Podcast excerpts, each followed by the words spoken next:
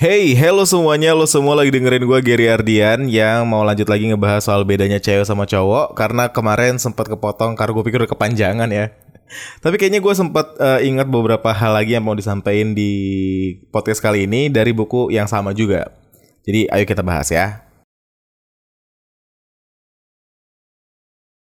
Oke, lanjut lagi buat ngebahas soal bedanya cowok sama cewek masih dari buku yang sama buku Men Are From Mars and Women Are From Venus. Itu bukunya John Gray PhD kalau misalnya kalian mau baca. Yang sebenarnya memang bukunya udah lama udah terbit ah, udah lama banget deh. Gue tahu ini dari awal kuliah udah lebih dari empat tahun yang lalu. Oh udah lama deh. Uh, gua rasa di podcast ini ada beberapa hal yang uh, gua rasa ingat baru-baru ini. Terus wah ini bisa nih disampaikan nih buat tambah-tambahan buat pelengkap gitu ya uh, bahasan soal cowok dan cewek yang beda kemarin gitu. Karena kalau disadari sebenarnya kemarin tuh gue tuh lebih banyak mengajarkan uh, yang cewek-cewek untuk lebih mengerti cowoknya. Karena selama ini kan kita terjebak di stigma yang bilang kalau cewek itu harus selalu dimengerti lah, cewek harus selalu benar lah segala macam. Yang sebenarnya gue agak kurang setuju. Bukan berarti nggak boleh cewek dimengerti, boleh banget. Tapi nggak cuma cewek yang punya perasaan, jadi cowok juga harus dimengerti gitu. Kompleksitivitasnya cowok itu lebih besar sebenarnya daripada cewek gitu. Karena kita itu bukan tipe orang yang ekspresif kan. Gue ibaratnya gini, gue tuh di rumah isinya cowok semua, mulai dari bokap, kakak, gue, terus gue punya dua adik yang isinya itu cowok semua lah ya. Nggak mungkin bokap gue cewek kan tapi kita serumah cowok semua dan pernah ada eh, baru-baru ini ada momen yang gue lagi ngobrolin soal masalah sama adik gue yang udah kuliah. Uh, terus tiba-tiba bokap nanya kenapa? Gue sama adik gue kompak ngomong enggak nggak apa-apa gitu. Padahal kita lagi ada masalah. Terus uh, bokap juga sama, bokap juga tipe orang yang kalau misalnya lagi ada masalah gue tanya kenapa pak? Terus enggak nggak apa-apa kok, selalu kayak gitu. Bayangin. Tapi karena di rumah gue tipenya yang paling mengobservasi dan eksplorasi soal hal-hal semacam ini, jadinya gue lebih banyak uh, bisa mengerti kebutuhan mereka itu sebenarnya butuhnya gimana gitu. Jadi mereka semua terbuka sama gue, tapi emang masih belum terbuka antara satu sama lain gitu. Nah kenapa bisa gitu? Karena gue tuh ngerti uh, logikanya orang Mars dan ya logikanya orang Venus juga. Uh, sedikit banyak gue masih ingat-ingat lah gitu. Karena uh, kalau nggak gitu kita nggak bakal bisa ngejalin hubungan yang baik kan dengan sesama gitu. Jadi penting banget buat kita ketahui kalau misalnya kamu tertarik untuk baca buku ini mendingan baca deh. Dijamin kalau baca dengan serius uh, banyak di dalam hidup kalian yang bisa kesannya berubah ke arah yang lebih baik serius.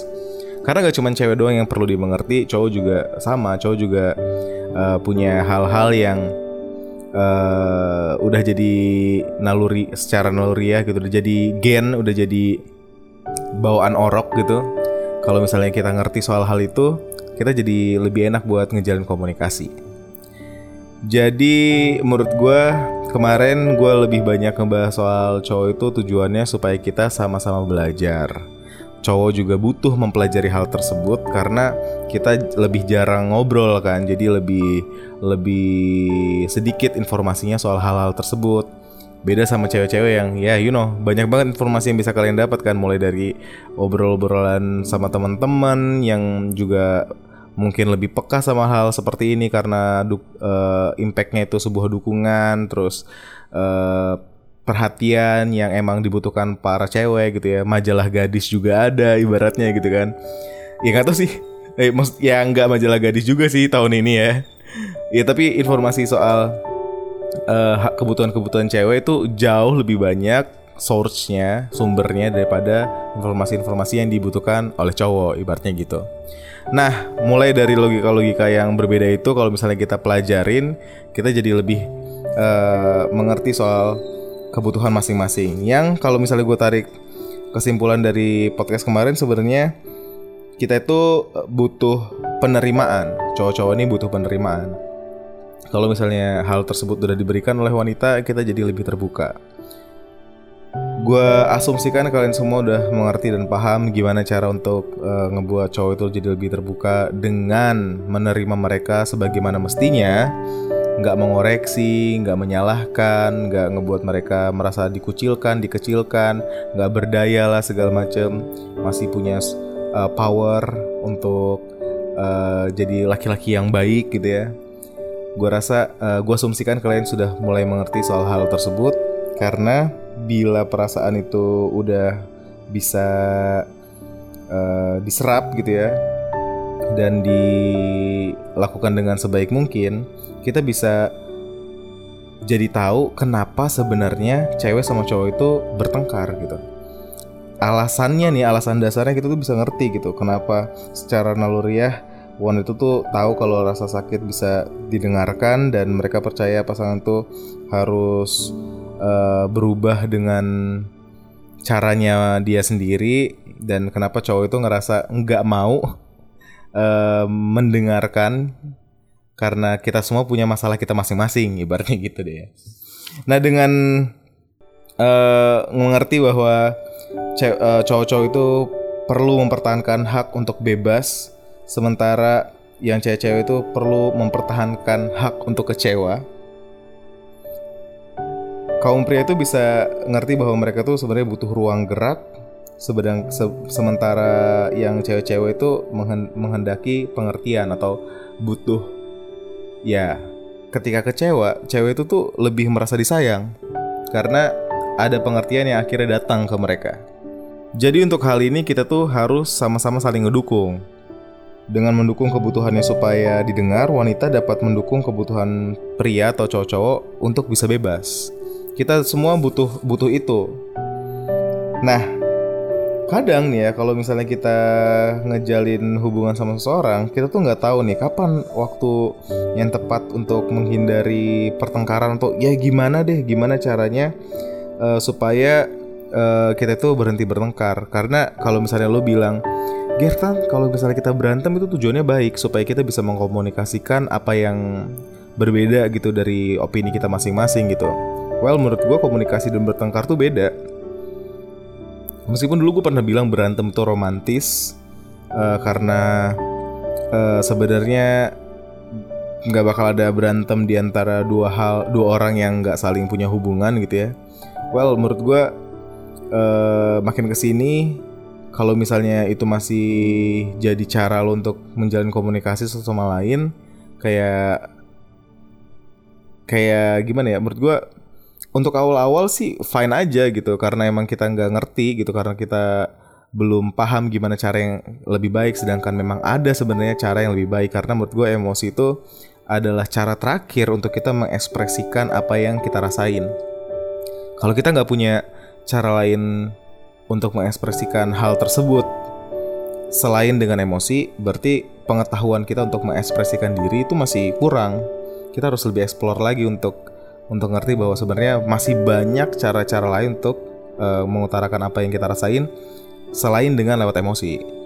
Nah, apa-apa aja nih hal yang bisa kita lakuin untuk menghindari pertengkaran? Kalau dari sudut pandang laki, ketika kita punya salah, cowok eh, cewek kan sering nyalahin nih untuk kesalahan-kesalahan ya meng mengkoreksi yang udah jadi naluri lah ibaratnya gitu. Emang cewek-cewek itu suka uh, membawa, ingin membawa cowoknya jadi lebih baik.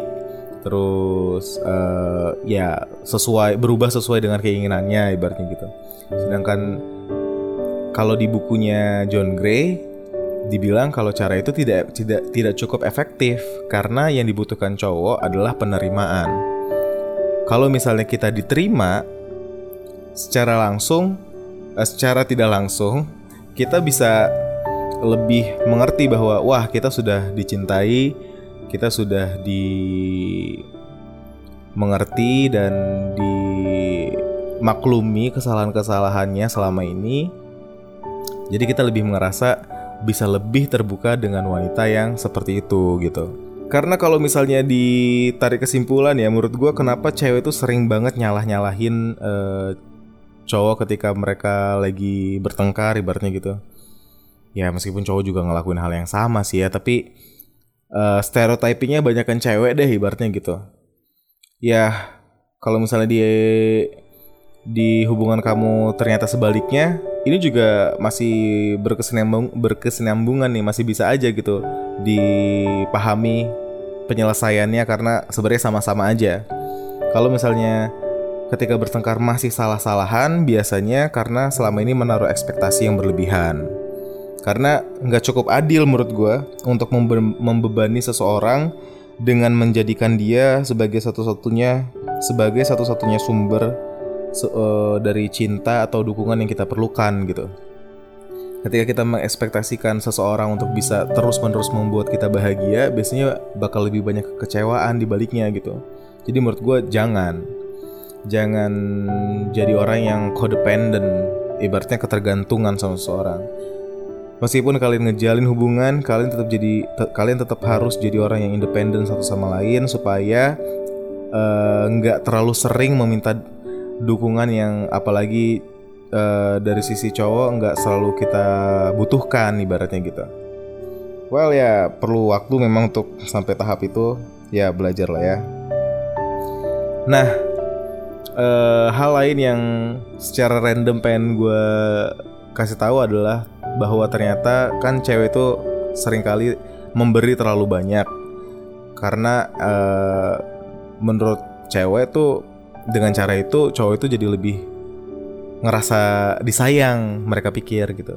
Dan itu juga cara mereka untuk ngasih ngasih uh, bukti atas cintanya gitu kepada cowok yang dia sayang.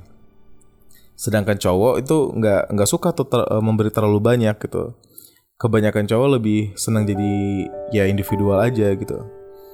Nah karena hal ini nggak match nih cowok maunya gini dan cowok maunya cowok maunya gini dan cewek maunya gitu kadang kalau misalnya cewek udah memberi terlalu banyak dia jadi ngerasa terlalu lelah untuk wah gue berjuang terlalu banyak nih buat dia sedangkan dia nggak ngasih apa-apa gitu.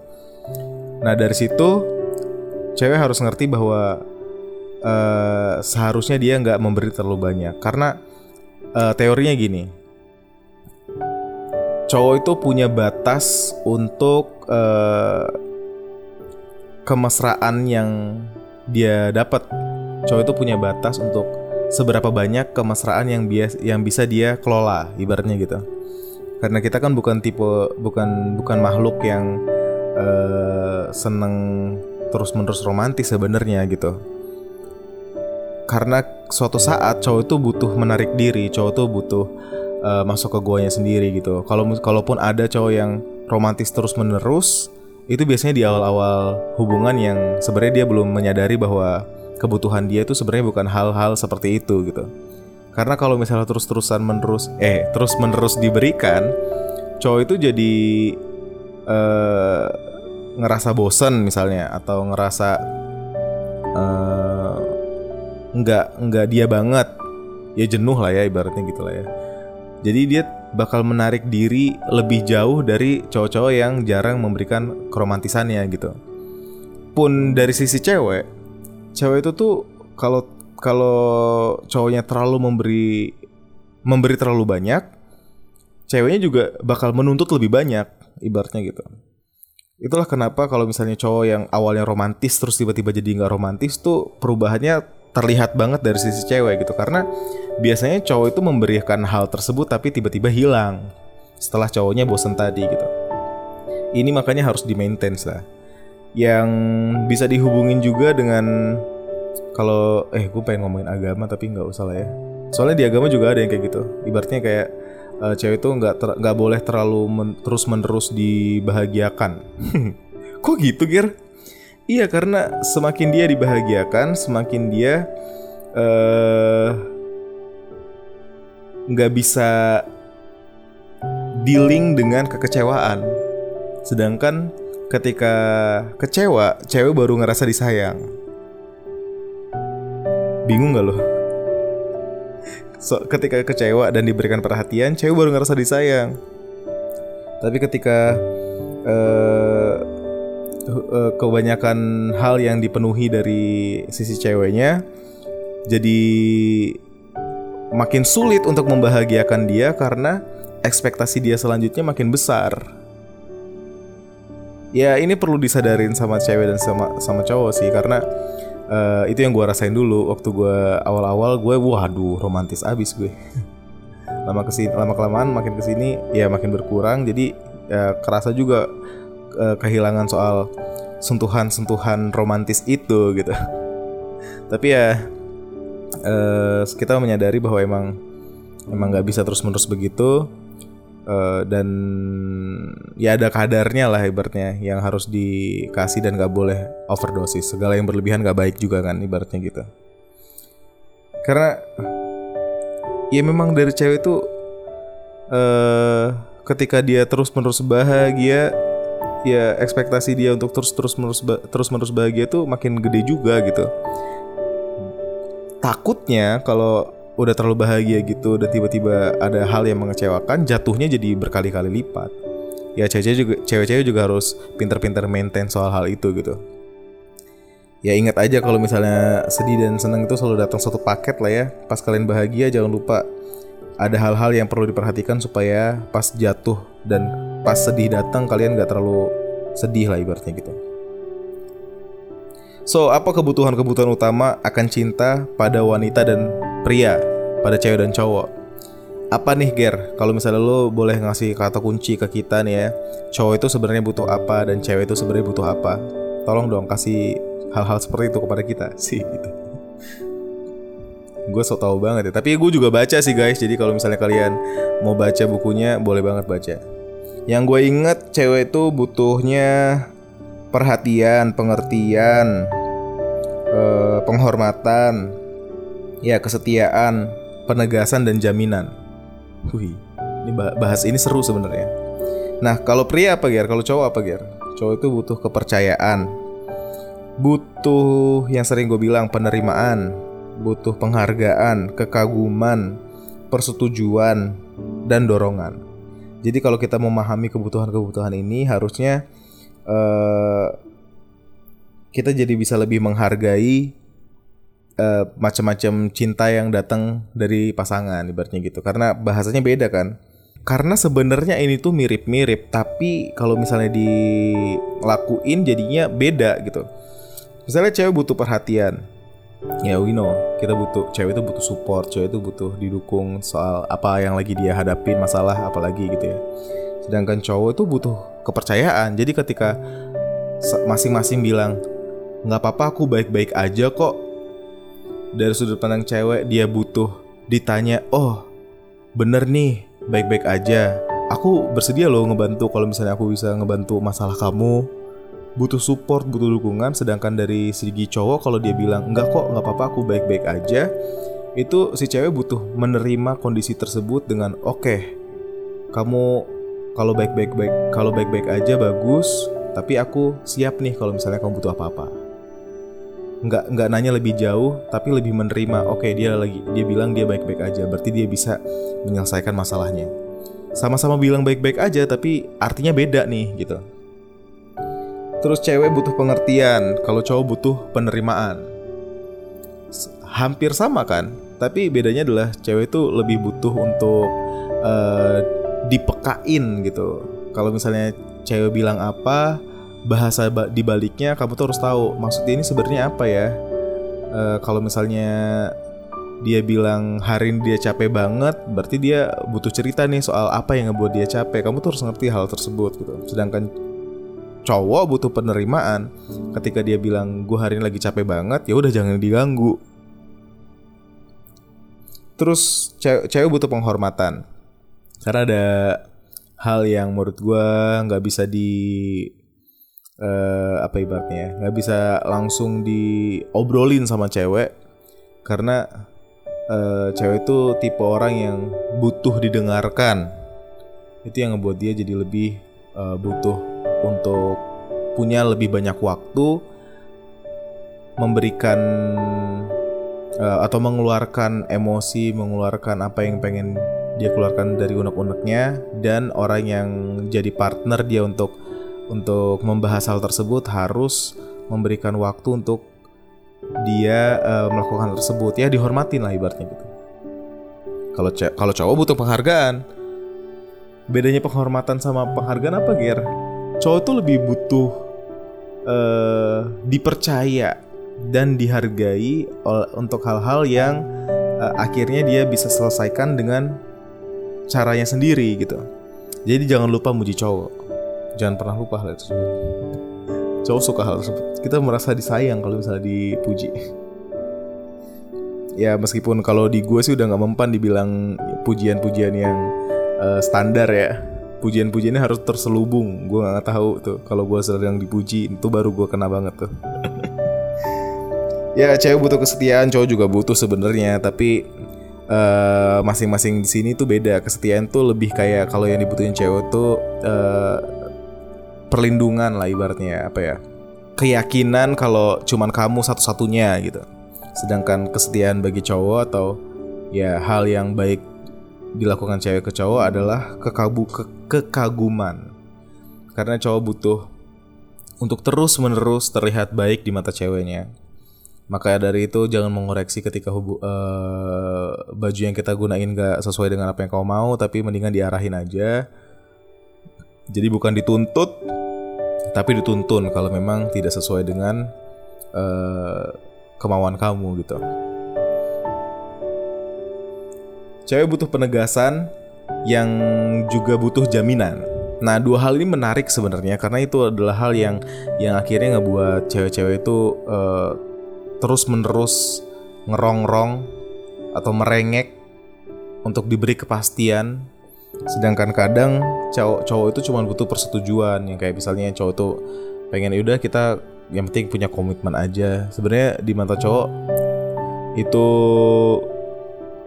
udah cukup tapi karena kebanyakan cowok yang belum dewasa menjadikan hal tersebut untuk disalahgunakan gue lebih milih untuk uh, jangan jangan mau lah ibaratnya. Cowok yang harus lebih ngerti untuk cewek itu sebenarnya butuh kepastian atau penegasan uh, hubungannya mau dibawa ke mana gitu.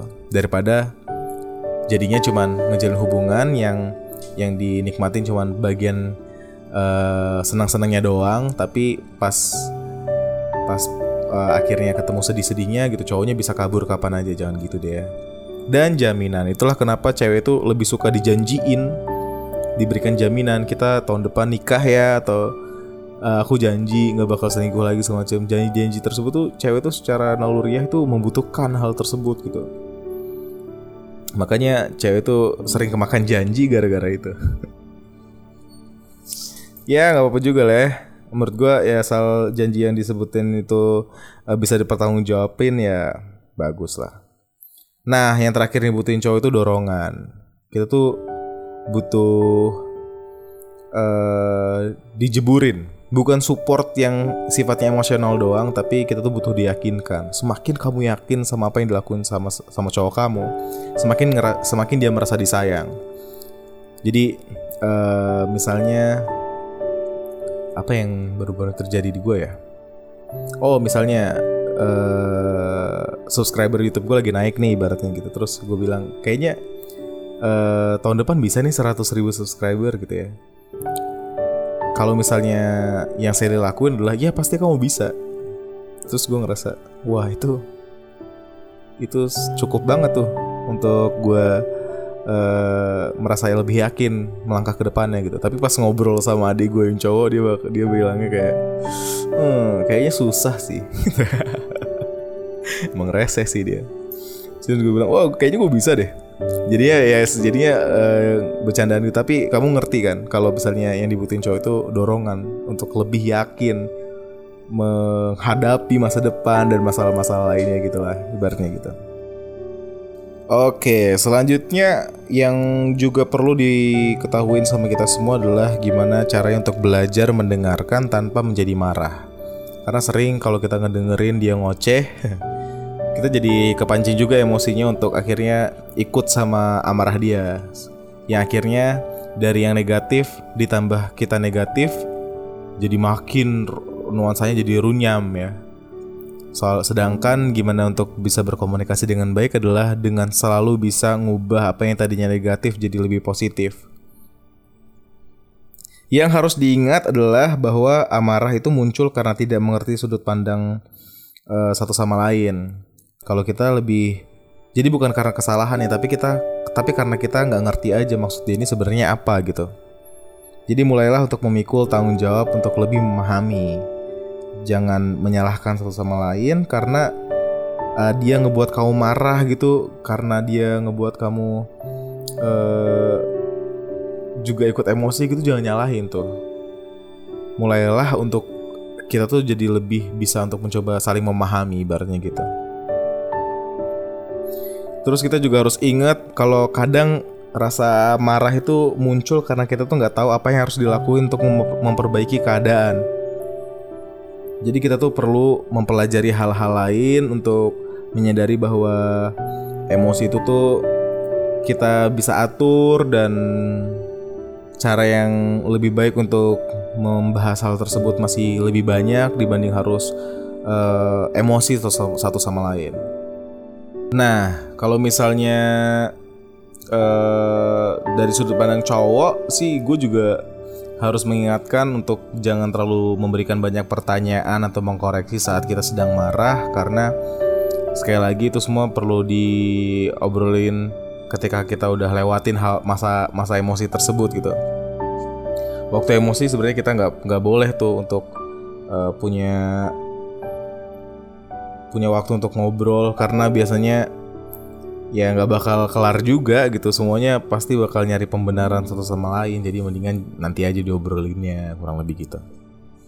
Karena kalau misalnya kita bertengkar atau atau akhirnya ngobrol waktu kita lagi emosi biasanya kita itu uh, ya mulai emosi karena satu hal misalnya gitu ya. Tapi akhir-akhirnya kita tuh jadi berantem gara-gara cara kita berantem. Ngerti nggak? Kita jadi ngebahas terus kenapa lu marah-marah atau ya tapi lu kenapa jadi teriak-teriakin gue gitu-gitu, cuma ujung-ujungnya kita jadi nggak seneng sama cara dia memperlakukan kita dan begitu juga sebaliknya gitu. Jadi untuk menghindari pertengkaran, menurut gue intinya adalah cewek berusaha untuk berhenti mengecam, mengoreksi dan membuat dia merasa tidak dihargai dan cowok untuk untuk untuk menghindari pertengkaran adalah cobalah mengerti bahwa setiap hal dari ya apa pun yang keluar dari mulut cewek biasanya nggak secara harfiah keluar begitu aja dan perlu di uh, telan mentah-mentah gitu jangan gitu tapi kita harus ngerti di balik omongan itu apa maksudnya nih? Apa yang lagi dia rasain sebenarnya? Dia lagi butuh apa? Kalau udah ngerti hal-hal tersebut, gue rasa kita bisa lebih nyaman, lebih merasa mencintai dan dicintai satu sama lain dalam sebuah hubungan. Udah ya, itu aja menurut gue. Sisanya kalau mau nanya-nanya di DM deh kalian bisa DM gue di @geriardian di Instagram. Kalau mau ngulang lagi episode ini dengan ya dengan aplikasi Spotify udah ada kok di Spotify @geriardian cari aja. Uh, terus apa lagi ya? Oh ya jangan jangan lupa subscribe. Ya bantu gue lah ya untuk terus numbuhin channel ini jadi bisa berguna buat lo semua juga. Oke? Okay? Thanks udah dengerin Ketemu lagi di episode selanjutnya.